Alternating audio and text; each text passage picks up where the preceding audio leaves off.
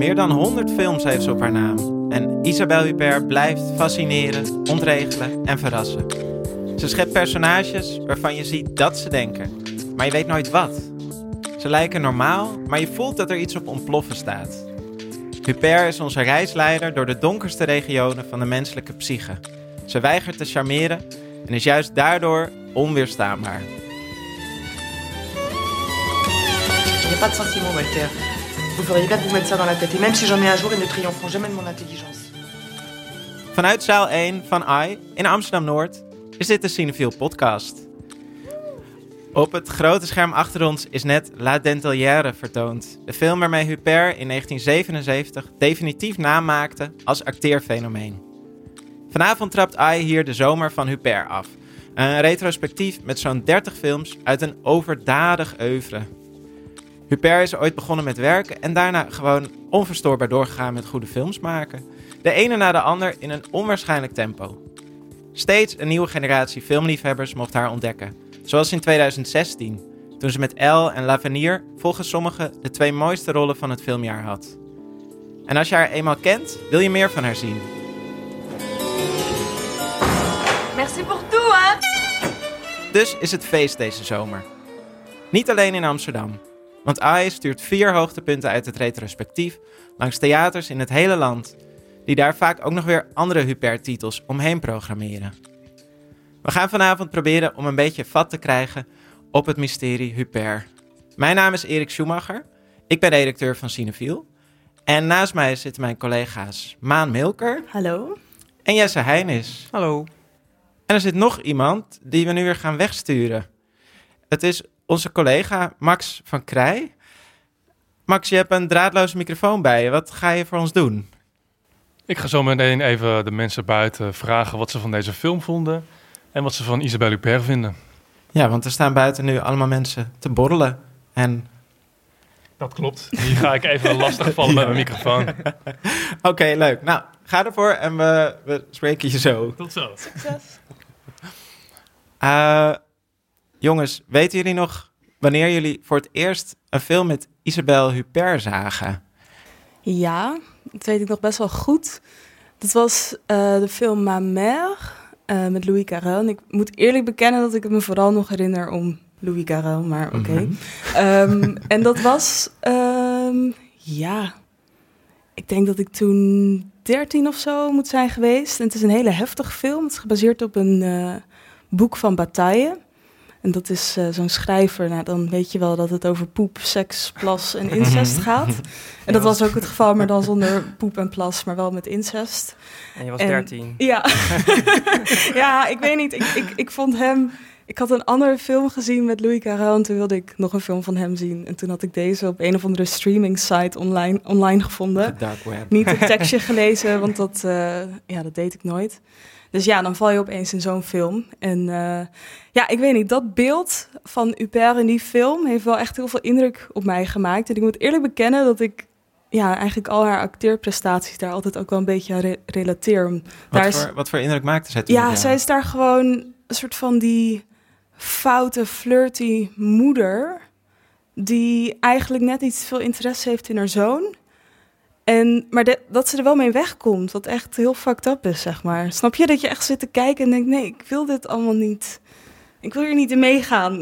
Dat Ja. idee. En ik weet niet, ze Daar speelt neemt het. ze je dan toch in mee. Ja, zeker. Dus eh, ja, zo heb ik haar leren kennen eigenlijk. Jesse, weet jij nog jouw eerste keer Huppert? Ja, dat was Huit Femme, iets eh, bravere film van Ja. François Ozon. Eh, ik had net eh, Swimming Pool gezien van François Ozon. En toen heb ik binnen een week zijn hele oeuvre doorheen gejaagd. Waaronder dus Huit Femme, wat een brave, gezellige kerstmusical is. En voor wie keek jij vooral naar Wiet van? Ja, Ludivine Senier. maar die bleek alleen maar in pyjama rond te lopen, niet meer in bikini. Dus het was, ja. viel een beetje tegen. Ehm, maar ja, die film gaat over acht vrouwen in een, in een landhuis. En eh, het is kerst en ze zijn samen. En dan blijkt op, eh, op een ochtend dat de heer des huizes is vermoord. Hij heeft een mes in zijn rug en hij ligt in de slaapkamer. En dan is de vraag wie van de acht vrouwen heeft dat gedaan. En eh, het geintje van die film is een beetje dat alle acht vrouwen door grote Franse eh, steractrices worden gespeeld. Waaronder dus Huppert, maar ook ehm Cather- Catherine Deneuve. Ehm, en, eh, nou ja, en Ludivine Chenier natuurlijk. Mhm. Ehm, en ja, ze, volgens mij is het een beetje de verkeerde film om te beginnen met Huper. Want het is een, echt een komische rol. Ze speelt eh, een beetje het zure zusje van eh Catherine Deneuve... die de, de vrouw des huizes is met een prachtig kapsel... parelkettingen en, en mooie outfits. Terwijl Huper ja, een beetje nerveuze, vervelende zeurtante is. Beetje Nanny McPhee outfit Nanny ook. McPhee, ja, strak haar en een, en een beetje ziekenfondsbrilletje. Heel streng, niet gezellig. Ehm, en een hele komische rol. Terwijl, ja, volgens mij, waar zij natuurlijk bekend om staat, zijn haar wat, wat heftigere dingen. Zoals het voorbeeld wat jij net eh, noemde, Maan. Maar, dus ik, ik ben niet daarna meteen het oeuvre ingedoken. Maar wat me, toen ik hem laatst terugzag, wel opviel, is het echt het verschil tussen uh, ja, Deneuve, de grote glamour filmster, en Huppert, de, ja, de toch wat vreemde eend Ja. in het prachtige Franse glanzende sterrenlandschap. ja, zij heeft niet dat diva-achtige. Nee.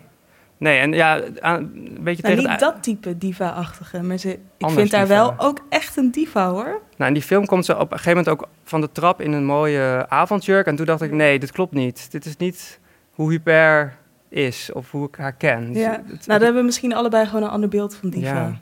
Oh ja, ja, ja. Ja. wat, is je, wat is jouw beeld nou, van niet, niet per se met een avondjurk van een trap af, maar ook gewoon zeg maar je hele, je hele houding, zeg Ja. maar. En dat, ja, Ja, gewoon een personality. Ja, ja. Iemand Ja. die binnenkomt. Ja, dat binnen, is ze ja. zeker wel. Maar Ja. ze heeft niet een soort grand dame-achtige... Geen Chanel, Eh, eh, Louis Vuitton ja. reclames, toch? Die heeft zij gedaan, denk ik. Nee, ja, ik zit te denken bij welk merk zou ze wel passen, maar dat zou ik zo gauw even niet weten. Iets met keukenmessen of zo.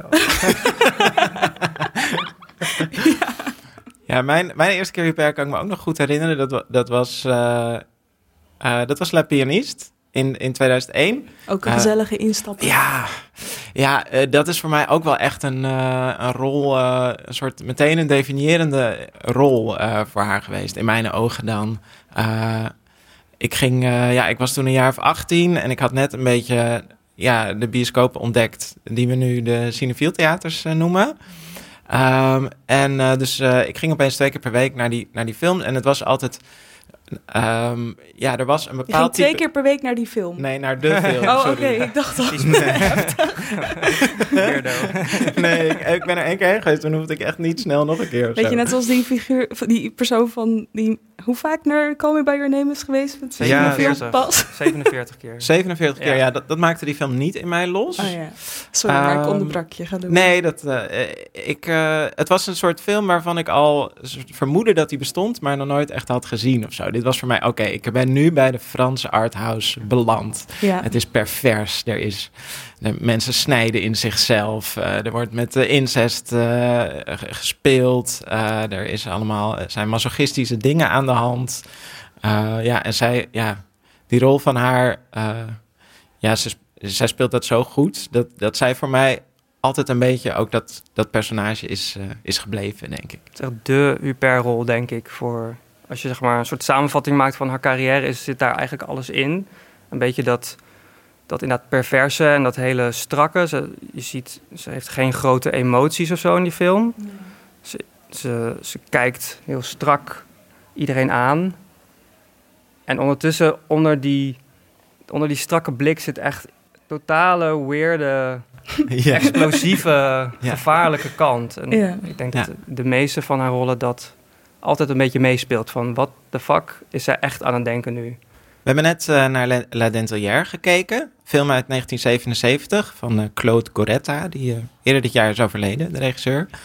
Ehm, eh, is dat, ja, dat is dan, toen was zij 24. Eh, het was niet zozeer haar doorbraakrol, maar wel echt een rol waarmee, eh, waarmee ze zich toen, weet je wel, op het filmfestival van Cannes was iedereen enorm van haar onder de indruk en was haar naam echt gevestigd. Is dat dan eh, een andere Huper in die film dan die we nu kennen? Ehm, nou, ik, ik weet het niet zo goed in hoeverre het echt anders is. De rol die ze speelt is wel heel erg die van een... ehm, ja, je vraagt je af van is het nou een heel mak lammetje... of is het nou iemand die helemaal kiest voor het leven wat ze leidt? Want het gaat eigenlijk over een liefdesrelatie tussen eh, haar, tussen Hubert en, ehm, een jongen die ze ontmoet op vakantie en die studeert aan de universiteit en die is daar ook heel erg mee bezig. Weet je. Mhm. Die studeert Franse letterkunde en ze maken grapjes over, eh, oh wat ben je toch ook een marxist en weet ik veel wat, weet je. Het En is zij heel komt uit een totaal ander milieu, ja, hè? zij is, kap, of zij is in de opleiding om kapster te worden. En eh, ja, fantaseert eigenlijk over de tijd dat ze eindelijk ook mag knippen. Weet je, ze mag nu alleen nog maar wassen. En eh, ja, zij krijgen een liefdesrelatie. En dat begint allemaal heel, heel mooi. Maar eigenlijk, ja, lopen ze er toch tegenaan dat ze zulke andere levens leiden. En ik denk in die zin dat zij wel een rol vertolkt die eh, qua inhoud best wel haak staat op hoe wij, hoe ik in ieder geval nu een beeld van haar heb. Namelijk iemand die helemaal geen genoegen. Zeg maar, ik zie haar nu als iemand die geen genoegen neemt met ja, een soort van eh, Een herhaal, zich herhalend leven, inderdaad. Ja. Ja, en ehm, Ze wordt ook door die man, echt, of door haar vriend, naar beneden gehaald. Dus Ja. op een gegeven moment een appeltje eet.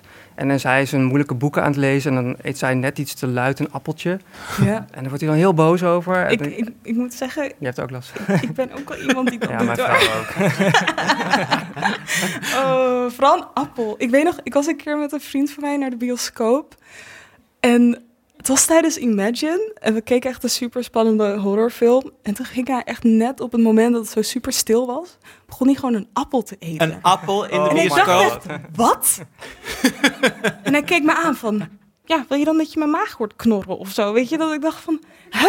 Ik heb, nou oké, maar dus Ja. daar, daarvan dacht ik van, nou oké. Vooruit. Maar ja, Ja. Ja. maar inderdaad, die vriend die zegt dan tegen haar van... ja, moet je niet een keer echt wat gaan doen met je leven? En ja, terwijl ik denk... Nou, Hubert van nu zou het niet zo over zich heen laten lopen, denk ik. Of tenminste, de Hubert die wij misschien kennen...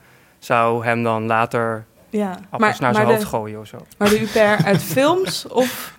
Uit films, ja, ja. ja. ja. We kennen haar nu niet als een soort van makkelammetje, toch? Nee, zeker nee, niet. nee. Maar tegelijkertijd is dat ook in die rol eh, die ze speelt in eh, La Dentelière, is het ook. Ja, ik vond het heel interessant, omdat het. Kijk, in principe is het natuurlijk. Die, die jongen zegt tegen haar van. Hey, joh, eh, wil je niet een eh, opleiding gaan doen, weet je wel? Wil je niet eh, meer zijn dan kapster? En dat past natuurlijk in een soort. nou ja, in een bepaald emancipatieverhaal.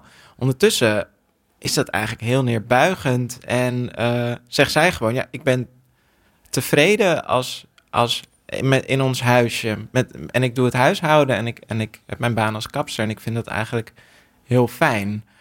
Is dat, is Ja, dat nou toch- een feministische ja. rol? Of? Eh, is het een feministische rol? Dat is weer een heel andere vraag. het, ehm, ja, dat vind ik moeilijk om te beantwoorden. Want aan de ene kant vind ik wel dat je heel erg haar ehm, emotionele wezen meekrijgt. En je ziet heel erg hoe zij, ondanks soort van de rol die hij ook op haar probeert te leggen op de een of andere manier. Ja, dat zij toch wel gewoon doet wat ze wil. En ehm, ja, dan uiteindelijk dan aan het einde, dan is het een beetje vaag wat er precies met haar gebeurt. Maar ze wordt ziek. En eh, ik weet niet of dat dan anorexia is of eh, ja, dat ze een soort van burn-out heeft. Maar ze, ja, ze wordt gewoon helemaal... eh, ja, liefdesverdriet. Ze moet opgenomen worden. En dat is dan op zich weer niet echt een feministisch narratief van een vrouw die zoveel verdriet heeft dat ze naar een gekkenhuis moet, zeg maar. Ja. Maar aan de andere kant, ik weet niet, zelfs het, in het laatste shot, een soort van dat ze dan zo in het, naar het publiek kijkt. Sorry, nu geef ik het laatste shot weg. Maar is dat een spoiler? Is het laatste? ah, nu hoef je er veel niet meer te kijken, jongens. Eh, zie je toch ehm, ja, een hele innemende, doordringende blik. Die Mhm. voor mij in die zin eh, wel echt een inhoud geeft aan haar personage. En Ja. in die zin is dat wel feministisch. Ja, ja. En ze is ook niet zomaar een, een seksueel object. Weet je wel, het is wel. ehm, het gaat heel erg om haar ontwikkeling. En, en er zit ook dat, dat onpeilbare van, eh, van haar al in, hè? Ja, Eh, wat, wat ook typisch Hubert is. Er- ja, je hebt het gevoel dat, dat er een hele wereld achter schuilt. Dat vond ik ook mooi aan die film, dat je... eh, ja, echt, eh, dat die film je in staat stelt om, om... Of ja, gewoon heel serieus kijkt naar een, naar een jonge vrouw... die misschien, als je een kapsalon binnenloopt... zou zij je als laatste opvallen. ja, daarom heet het ook La Dentelière. Omdat ze aan het einde heb je zo dat ze zeggen van. Ze was het type die wel op een schilderij zou staan, maar dan was ze wel de nicer, zeg maar. Of gewoon iemand waarbij het niet echt draait om de een soort van de innemende is, persoonlijkheid. maar om wat ja, ze doet. Ja, Je ziet Ja. haar de hele tijd kijken eigenlijk. En daar kijk jij dan weer naar. Ze kijkt naar die, die wat oudere collega die heel erg op zoek is naar een man. En dan zie je haar kijken en dan denk je eigenlijk van... ja, wat vindt ze hier nou van? Wat vindt ze nou van deze vrouw die zo, zo hunkert naar iemand die haar in huis neemt of zo? Het is een beetje een rare vrouw ook. Mhm. Maar je krijgt het niet helemaal mee wat, wat, wat Hubert op dat moment... of dat personage op dat moment denkt. Dat, dat is wel heel ja, spannend of zo, ja. Ja, ja. Ja. We gaan even naar eh, Max, want die staat hiernaast in de, in de borrelzaal. En eh, als het goed is, staat hij daar met Marike Huizinga. Die is programmeur van AI. En die heeft eh, dit retrospectief samengesteld. Klopt dat, Max? Ja, Erik, dat klopt. Ik sta hier met Marieke Huizinga, programmeur van het Isabelle Huppert eh, retrospectief. Marieke, ik heb begrepen dat Isabelle Huppert meer dan 100 films op de naam heeft staan. En er draaien er een stuk of 30 eh, bij dit retrospectief. Klopt dat? Ja, meer dan 120 films heeft ze gemaakt. Meer dan 120 We films. draaien precies 30 titels. Precies 30. En als mijn vraag, hoe maak je die keuze? Dat was zo moeilijk. Dat inderdaad is een stuk makkelijker natuurlijk als iemand een, minder groot oeuvre heeft. Dus ja, 120 films, waar begin je dan? Ik ben in ieder geval begonnen om eh, films te selecteren waarin ze een hoofdrol speelt. Ik denk, dan kunnen we er in ieder geval heel veel eh, gewoon schrappen, want ze heeft natuurlijk ook eh, kleinere rollen. Maar ja, dan ga je gewoon echt eh, kijken naar de films van A, met welke regisseurs ze allemaal heeft gewerkt, met welke regisseurs ze meerdere malen heeft gewerkt. Daar wil je er een van vertonen. Wat zijn de sterke titels? Welke titels hebben, zijn goed ontvangen vroeger? Ja, en daar probeer je alle pareltjes uit te halen. Duidelijk. En wat vind je eigenlijk zo bijzonder aan Isabel? Ja, het is gewoon een hele eh, mooie actrice. Ze, eh, ze acteert heel erg mooi en eh, ze doet dat op een hele sterke manier. Ze weet met heel weinig bewegingen weet ze heel veel emoties uit te drukken. En ze doet het ook op een hele natuurlijke manier. Ja, zoals ze ook wel eens heeft gezegd in, in interviews van het, voor mij is het als eten en drinken. Zo is acteren ook voor mij. Dat, dat zie je er gewoon aan af. Het is gewoon alsof ze ja, zichzelf speelt. En toch elke keer in elke film is het weer een andere rol. Dat was hem. Marieke, dankjewel. Ik laat je verder genieten van je drankje. Dankjewel. Dankjewel. Dankjewel, Max. Ehm, wij nemen even een eh, sprong in de tijd. Eh, er zijn eh, vier titels die eh, het land ingaan. Dat zijn eh, La Dentelière, waar we het net hebben over gehad. Het is La Pianiste, ook aan de orde gekomen. Les Valseuses. Eh, een beetje een curieuze film. Ja, een hele rare film. Die is nog voor La Dentelière, hè? Kun je Ja, eh, ja, er zit ook Heel maar kort 10 voordat minuten of de 2 sprong in de minuten, tijd, eh, eh, twee minuten Isabel Per in, ergens aan het eind. En het, de film gaat over twee, twee jongens, het is de jaren 70 in Frankrijk. En ze hebben geen baan, ze hebben geen, geen geld, geen toekomst. En wat ze dan eigenlijk de hele film lang doen als een soort running gag is vrouwen lastigvallen. Waarvan er eentje borstvoeding aan te geven is in de trein. Dat vinden ze dan heel interessant en die, die bieden ze dan geld en dan mogen ze ook even aan de borst. Heel bijzonder. En eh, ze, ze trekken een, eh, een kapster uit haar kapsalon. En die, die lenen ze dan uit aan de automonteur. Want een, een gejatte auto is kapot.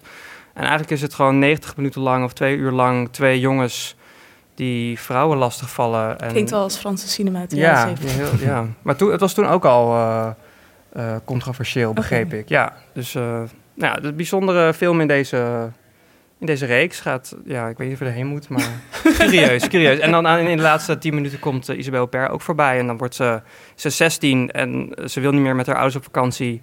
Dus gaat ze met de jongens mee en dan wordt ze ontmaagd. En daar is ze heel Dat blij was mee. wel echt een spoiler. Nou, Van die 10 We minuten. zijn wel echt een heel erg spoiler podcast. We gaan ons leven beteren. spoiler alert. Ja, we gaan, eh, we gaan eh, de volgende keer nemen we ons voor geen spoilers. Ja, meer. top. Eh, maar een goede film kun je niet spoilen. Ja. Ehm, Oh, mag, ik- mag ik ook nog even zeggen dat er een sequel komt op The Big Lebowski, gemaakt door John Turturro over Jesus. ja. En die, is, die, is- die sequel is deels gebaseerd op deze film. Oh, Hè? Ja, dus als je over twee jaar in de bioscoop zit en denkt van ik heb het eerder gezien, dat komt daar vandaan. Oh, ja. dat is wel een reden om te gaan. Ja. Ja. Ja, dus toch gaan allemaal. Ja. ja. Dat Nou, dat was dus ook al een controverse. Controverse achtervolgt Huper, want eh, de, de vierde film die het- land doorgaat eh, is ook, eh, ook een controversiële. La Cérémonie heet die, uit eh, 1995. Eh, zij speelt dan weer toch wel weer een heel andere rol hè? Eh, dan in uh, La Dentelière. Wat voor, wat voor vrouw speelt zij? Uh, ja, een hele energieke vrouw. Heel erg flap uit. Een soort Pippi Langkous met, uh, met twee vlechten of twee staarten in haar haar. En een rood mutsje op. En uh, ze werkt bij de, de, het postkantoor. Maar eigenlijk voert ze geen reet uit. Er zijn ook nooit postzegels en zo. en ze, ze wilde heet het van alles van iedereen. En ze maakt lekker andermans brieven open? Ja, ze leest de brieven van, van de rijke ja, man des huizes... waar eigenlijk de film over gaat. Want het gaat over een, een, een werkster die bij een nieuw gezin komt te werken... En uh, die werkster is heel, ja, een beetje stil, een beetje braaf, een beetje verlegen. Zegt de hele tijd van, ik weet het niet. En dan komt dus de hele tijd dat personage van Huper in haar comfortzone. Van, hey, ik ben er ook nog. Uh, zullen, we, zullen we wijn gaan drinken? Zullen we deze mensen lastigvallen? Zullen we lekker geen postzegels verkopen vandaag? En dat, ja, het is echt een hele, ja, best wel vrolijke rol, maar toch ook... Ja. Nou ja, er, zit, ook wel iets zit wel wat onder. opgefokt. Ja, Ja, toch? zeker. Ja. Beetje eh, haast zonder moraal of zo. Maar dan juist daarin heel erg... eh, nou, niet zonder moraal, maar als in van... We moeten de orde verstoren. En eh, ja, Lekker tv kijken. en ja, er zit ook een, volgens mij een fragmentje ervan, er zit een scène in. Er wordt wel eens gezegd van ja, die acteur is zo goed. Ik zou, uh, ook al zouden je gewoon een boodschappenlijstje voorlezen, dan nog uh, zou ik het geweldig vinden. Nou, in deze film zit dus een scène waarin Isabelle Huppert een boodschappenlijstje voorleest. En dat vond ik heel goed. Dus dat, dat en het graag is even, geweldig. ja, het is geweldig. ja, dus dat wil ik graag even laten horen. Bon, vous avez noté hein, les sardines D'accord. Alors, euh, 6 Vichy Célestin. Bon, d'accord. 4 paquets de café. Oui. Non, du euh, carte, euh, oui, carte noire. Bon. 2 paquets de serviettes bleu marine. Ah ben d'accord. 5 kilos de lessive homo. Bon, on leur dira. Voilà. Merci beaucoup. Ja, voordat ze dit, dit telefoongesprek voert, heeft ze kauwgom in haar mond. En die haalt ze dan uit haar mond en die plakt ze zo onder het bureau of onder een kastje. En dan heeft ze opgehangen. En het eerste wat ze doet is ze pakt weer die kauwgom en stopt hem weer in de mond. Het is echt een, een hele fijne scène. Ja, en begint er weer lekker op te kauwen. ja, Ja. druk, druk, ja. En druk, druk. Ja. Eh, en dan eh, gaat het... eh, ja, dat klinkt allemaal nog best wel gezellig eigenlijk. Wat we nu schetsen. Eh, ja hoe hoe gaan we dit dit niet zeggen? spoilen? Spoilen. we hebben onszelf nu aan een hoekje geverfd. Met ons voornemen Nou ja, om dan niet meer te kunnen we net zo goed dit ook gewoon... eh, Nee, laten we het een beetje vaag houden. Ehm, laten we zeggen dat eh Isabelle Huppert eh, en haar vriendin, de, eh, de huishoudster, eigenlijk eh, ja, samen een pact sluiten en ehm, bijzonder gewelddadig worden. Eh, begrepen jullie waarom ze dat deden? Waar dat vandaan kwam? Ehm, dit is opeens wel een hele soort van overhoringsvraag. Maar, ehm, nee, ja, is niet eh, een goed antwoord. Nou, ergens ook wel misschien uit, uit onmacht. Dus ehm, ja, als in ze hebben dan een sociale positie die ze niet heel veel beweging gunt binnen de samenleving in die zin. Weet je, de huishoudster, die is analfabeet. Ehm, je merkt heel erg wat de grenzen zijn van hun bestaan eigenlijk in die Mhm. zin. En ehm, wat ze doen is dan wel iets waarmee ze opeens heel veel macht naar zich toe kunnen trekken. Een soort van ultieme daad. En in die zin denk ik wel dat het, ehm, ja, dat, ja, dat het dus voortkomt uit een soort van iets anders willen, maar gewoon er niet uit kunnen. En dan maar tot zoiets extreems. Dus het gaat eigenlijk ook over maatschappelijke structuren waar, waar zij Ja, in zitten. ja. De film wordt ook wel beschreven als de laatste echt marxistische film. Weer terug bij het marxisme. Nou ja, als je het over Frankrijk hebt, dan komt dat wel heel snel terug in de intellectuele kringen uit die tijd. Ja. En eh, ja, dus in die zin is het wel een eh, ja, mooi symbool van de onderklasse die zich emancipeert. Maar aan de andere kant die dat ook niet gewoon zomaar kan doen. Het moet wel iets, weet je, er moet wel een soort van offer tegenover staan. Nou, we gaan weer eh, naar Max toe. Die staat, nu, eh, die staat nu weer tussen de borrelaars. Eens even kijken. Oh, ik zie daar iemand. Hallo, ik zie een nerveuze glimlach, maar ik heb wel gehoord dat jij een fan bent van Isabelle Huppert, klopt dat? Klopt, inderdaad. Ja, Je zou kunnen zeggen dat zij jouw lievelingsactrice is, toch? eigenlijk wel. Ja. Heb je net de film ook gezien? Ik heb de film gezien, ja. Ja, wat vond je ervan? Ik vond het een beetje een gekke film. Een heel andere rol dan ik van haar gewend ben. Eh, veel ingetogener, veel rustiger. En ik was eigenlijk aan het wachten tot ze met die breinaalden iemand neer ging steken. Jeetje, wat een... Niet. Nee. Zodra zij bij elkaar zijn, gaan ze eigenlijk meteen samenwonen. Was dat vroeger zo? Ja, dat was vroeger zo, want zij is mijn leeftijd. En dat deden wij, ja. En wij liepen ook in ons blootje. Maar had u dan ook een zomerliefde waar u daarna meteen eh, mee samen ging wonen? Ik had een hele grote, lange liefde. Wat ik me nog wel afvroeg, dat, daar is de film niet duidelijk over. Maar ik dacht dat zij, eh, toen, hij, toen ze aan de kant werd gezegd, dat, dat zij toen zwanger was. En dat Ja. zij uiteindelijk ofwel een eh, abortus of een miskraam heeft gehad... of het kind heeft moeten afstaan. Want die scène met dat breien, met die eh, lichtgele wolf... vond ik da- daar dan ook wel weer heel suggestief voor eigenlijk. Kijk, het is een goede filmanalyse hier. Kunt u zich nog herinneren wat uw eerste ervaring met haar was?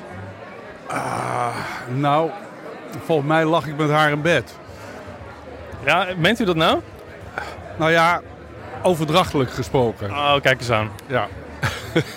Kijk, naarmate je ouder wordt, is het leuker om naar jonge films eh, of oude films te kijken. Ja. Want dan zie je haar weer in volle eh, glorie. Dat lijf, dat, ja, dat vind ik een heerlijk lijf. Ja. Weet je, een beetje, beetje dat mollige, dat is niet dat eh, magere.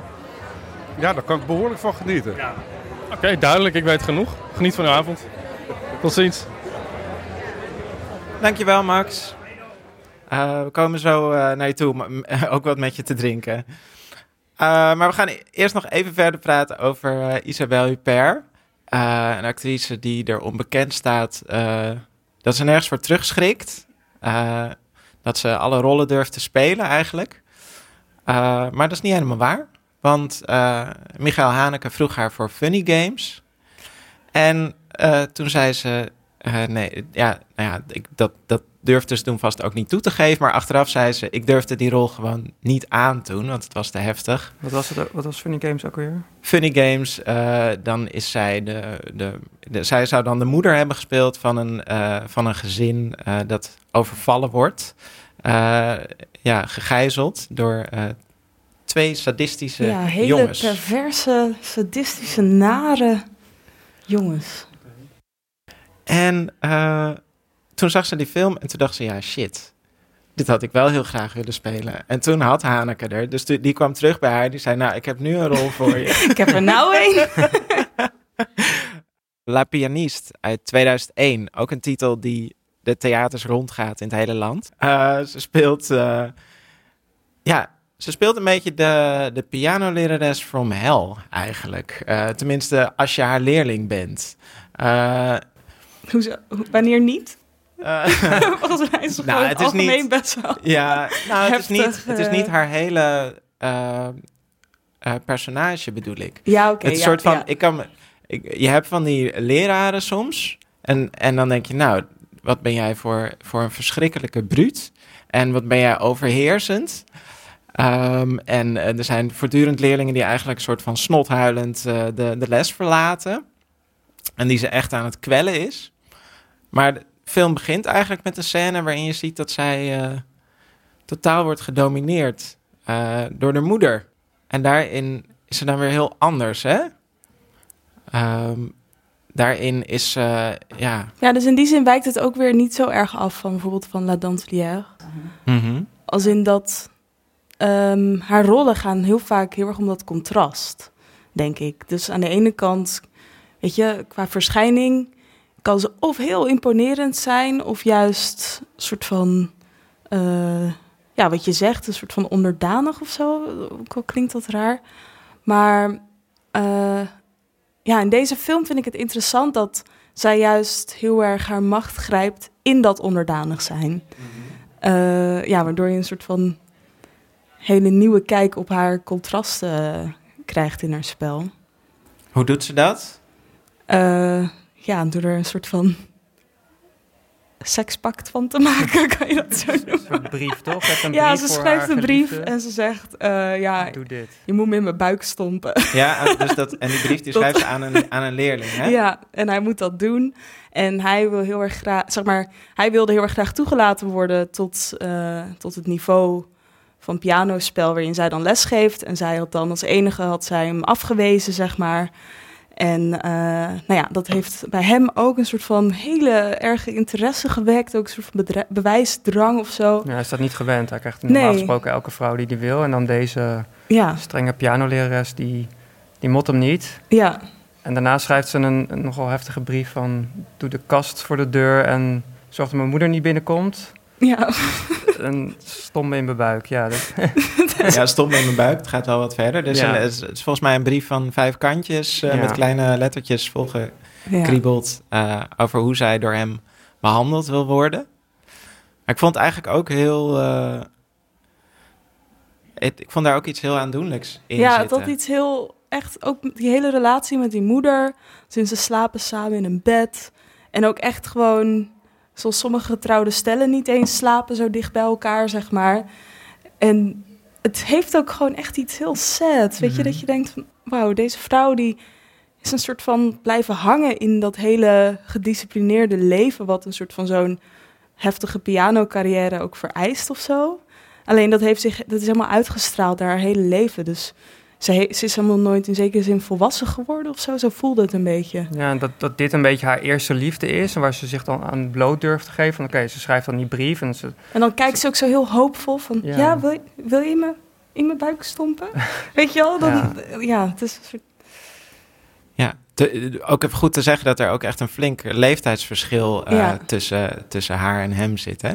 Dus, eh film uit 2001, dus ja, zij was toen ergens in de 40 en de jongen is in de 18 of zo, eh, ergens. Dat rond zeggen de ze dan. 18. maar Volgens mij is hij gewoon echt 27 Ja. of zo.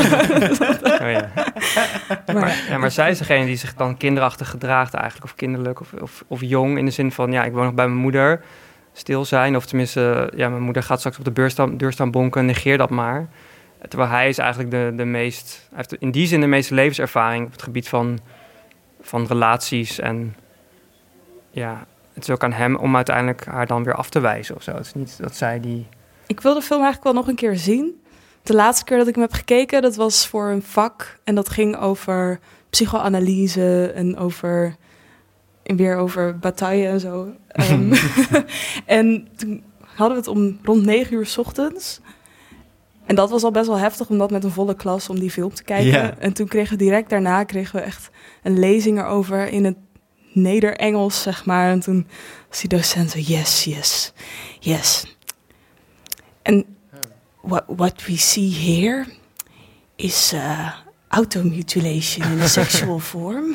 Heet het zo? En toen werd die hele film nog een keer soort van geanalyseerd. Dat ik echt dacht, nee, ik wil dit niet. Niet van deze persoon ook nog. Dus ik, oh, dat was heel traumatisch.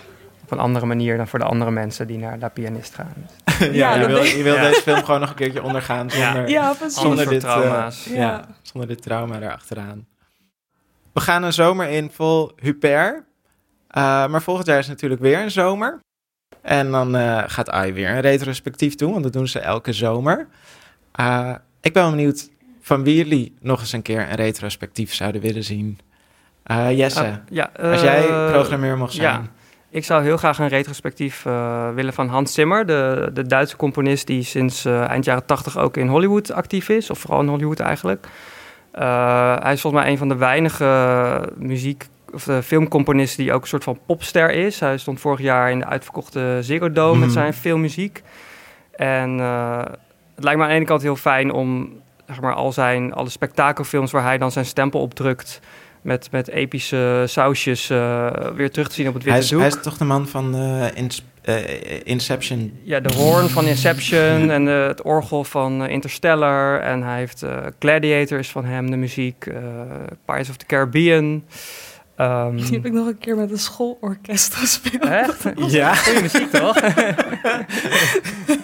En ook, ja, gewoon heel veel filmmuziek. ja. weet je. Ja, mijn vader is er ook dol op, gewoon dat soort lekkere... Ja, en, gaat- ja. en wat, hij, wat mij dan, zeg maar, dat zijn films die je in principe ook elke week op tv zou kunnen zien. Maar wat, wat mij dan ook wel leuk lijkt, is om allemaal films uit de jaren 90 terug te halen. Waar hij ook de muziek voor heeft gedaan, zoals eh, Days of Thunder met Tom Cruise. En eh, eh, Backdraft, een film over brandweermannen. En mijn lievelingsfilm van de jaren 90, A League on Their Own. Of Their Own. De, de, de honkbalcomedy over het vrouwen honkbalteam dat in de Tweede Wereldoorlog de mannen moet vervangen. Eh, ik, Waarom was dat zo'n Ja. zo'n film in de jaren? Ik heb hem ook volgens mij vijf keer op tv gezien. Ja, of zo. misschien door... door, door Ik heb hem nog nooit gezien. Madonna Ja. zat er natuurlijk Madonna, in. Tom. Hanks, eh, Gina Ja. Davis, ook heel erg jaren 90. Altijd als hij op tv was, keek ik hem. Ja. En ik had geen idee dat eh, Hans Zimmer daar de muziek voor heeft gedaan. Ik weet ook echt niet meer. Volgens mij was het lekker feel-good, opbeurend sportmuziek van Yes. Nog, ja, nog één Ja, bal maar en waarom we je nog een keer in AI? Ja, als, eh, ze dat doen, dan eh, eh, zaal zie je dat elke is juist avond. het leuke, dat je Ja. dan in zo'n bioscoop ook even een hele andere geluidssensatie Ja. hebt dan op je tv. Ja. Dus, eh, dus niet meer acteurs en regisseurs, maar Ja, een componisten. keertje een componist. Ja. En Maan? Nou, ik heb wel een regisseur. Ik heb eh, John Singleton. Die is afgelopen jaar overleden. Mhm. En eh, ik, zijn films, eh, bijvoorbeeld Boys in the Hood, dat is denk ik wel zijn bekendste film. Was ook de eerste Oscar-nominatie van een zwarte regisseur, ook voor Scriptacy toen genomineerd. Heeft Toen niet was hij gewonnen, want- 23 Ja, hij was ook hè? de jongste die ooit Ja. genomineerd was. En eh, volgens mij had toen 89, dat jaar... Of zo, Eh, nee, 91. in eh, t- drie, nou ja, Twee- begin jaren- 92, Ja. 92.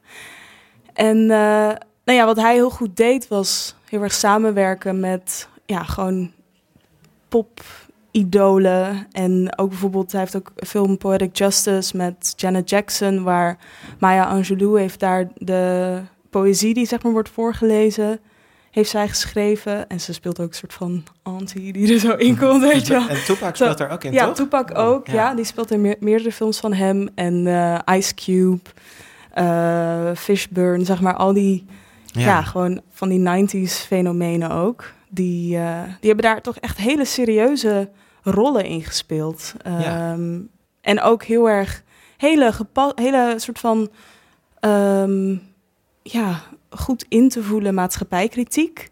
Weet je, voor alle kanten binnen de Amerikaanse samenleving. Iedereen die kan naar die film en die vindt er wat. Bijvoorbeeld in, ehm, eh, volgens mij is het in Poetic Justice, maar dat weet ik even niet zeker.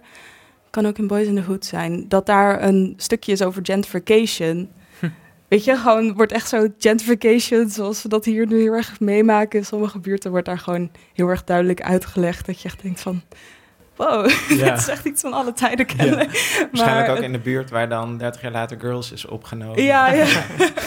maar het... ehm, zijn ook echt films die echt nooit worden vertoond. Nee, precies. Ja. En terwijl het echt, ja, het zijn gewoon hele goede films over belangrijke onderwerpen. Ook bijvoorbeeld eh, Higher Learning komt ook een soort van eh, queer emancipatie naar voren. Eh, het Ja. gaat heel erg over eh, verschillende klassen binnen de samenleving en hoe je daartussen kan bewegen zonder dat je.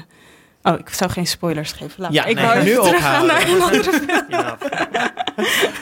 ja, dus daar nou, zou ik wel ja, meer films van willen zien. Ja, goed, goed plan. ik, heb, ik heb de droom dat er een Pedro Almodovar retrospectief komt. Mhm. En dat is eigenlijk ook heel erg eh, gewoon uit eh, egoïsme, omdat hij heel veel films heeft gemaakt die ik nog niet heb gezien, die ik heel graag wil zien. En die Heeft ook... hij eigenlijk heel veel films gemaakt? Ja, hij heeft heel veel films Oh. gemaakt, ja. Ik ben de, dan ingestroomd, dus in die tijd dat ik eh, twee keer per week naar La Pianiste Ja. ging. toen had hij Able con Ea en dat was voor mij ook echt zo'n van... Oh ja, wow, dit is, eh, dit is Arthouse. Eh, zo'n was ik toen heel erg van onder de indruk. En daarna heb ik al zijn films gezien eigenlijk. Maar van zijn films daarvoor heb ik er denk ik maar eentje gezien. Eh, The Skin I Live In, of eh, die is toch ook van hem? ja, die is, daarna. eh, ja, die, is, die is daarna. Ja. Dus Oh, ja. is, is 2002 en Oh, ja. daarna kwam eh, La Mala Educación en eh Bolbert. Allemaal van die... eh, Want dat is echt zo'n metafilm. Als je die kijkt, dat je echt denkt... Wow, dit, deze plotlijn is echt zo ver gezocht. wat? La, La Piel que Habito. Ja, Oh, ja. ja. ja. zit te denken, wow, deze Ja, zijn ik bedoel, crazy. ik ben trouw naar al zijn films hij en, al het is- gezien, dus dat is gewoon... Ja, eh, nee, die, die heb ik al gezien, dus die sla ik dan ja, over. Maar hoeft niet. soort van, ik ben super benieuwd naar zijn films uit de jaren 80 en 90. En ik zie daar altijd foto's van, die zijn heel kleurrijk. En ik weet dat het een soort van soapy melodrama's zijn, wat ik, die tegelijkertijd een eh, ja, heel erg een hart hebben. En, en dat zijn ook de films van hem die ik het liefste zie. Uh, Julietta hadden we, hadden we volgens mij twee jaar geleden. Nou, vond ik ook echt ja, dat is gewoon helemaal mijn straatje. Dat vond ik super mooi. Er zijn heel veel mensen die soort van hun schouders ophalend zijn weggelopen, geloof ik. Jesse begint nu, ja, ja, begin nu wild ja. met zijn schouders uh, op te halen. maar... Uh, en al die, al die, in al die oude films van hem zitten ook al die steracteurs van nu, maar dan piepjong. Ja, Antonio Banderas en Javier Bardem en zo. Dat is best wel geinig, omdat ook nog... Dat zit al die foto's die jij net zei, dat zie je al die... hele rare kapsels en uh, outfits, kleurrijk, ja. Dus uh, nou, hopen dat Ai luistert. Ja. Uh, dit was de Cineville podcast voor deze keer. De hele zomer kun je in een Cineville theater bij jou in de buurt naar de films van Isabelle Huppert. Mochten de titels je een klein beetje duizelen, dan kun je ze rustig nalezen in de show notes. En als je terug wil praten, kun je mailen naar podcast.cinefiel.nl.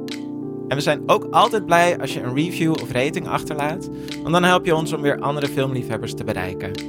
We willen graag Lieke Malkoor van Dag en Nacht Media bedanken en I natuurlijk, waar we vanavond live mochten opnemen. Yay. Tot de volgende keer. Doei.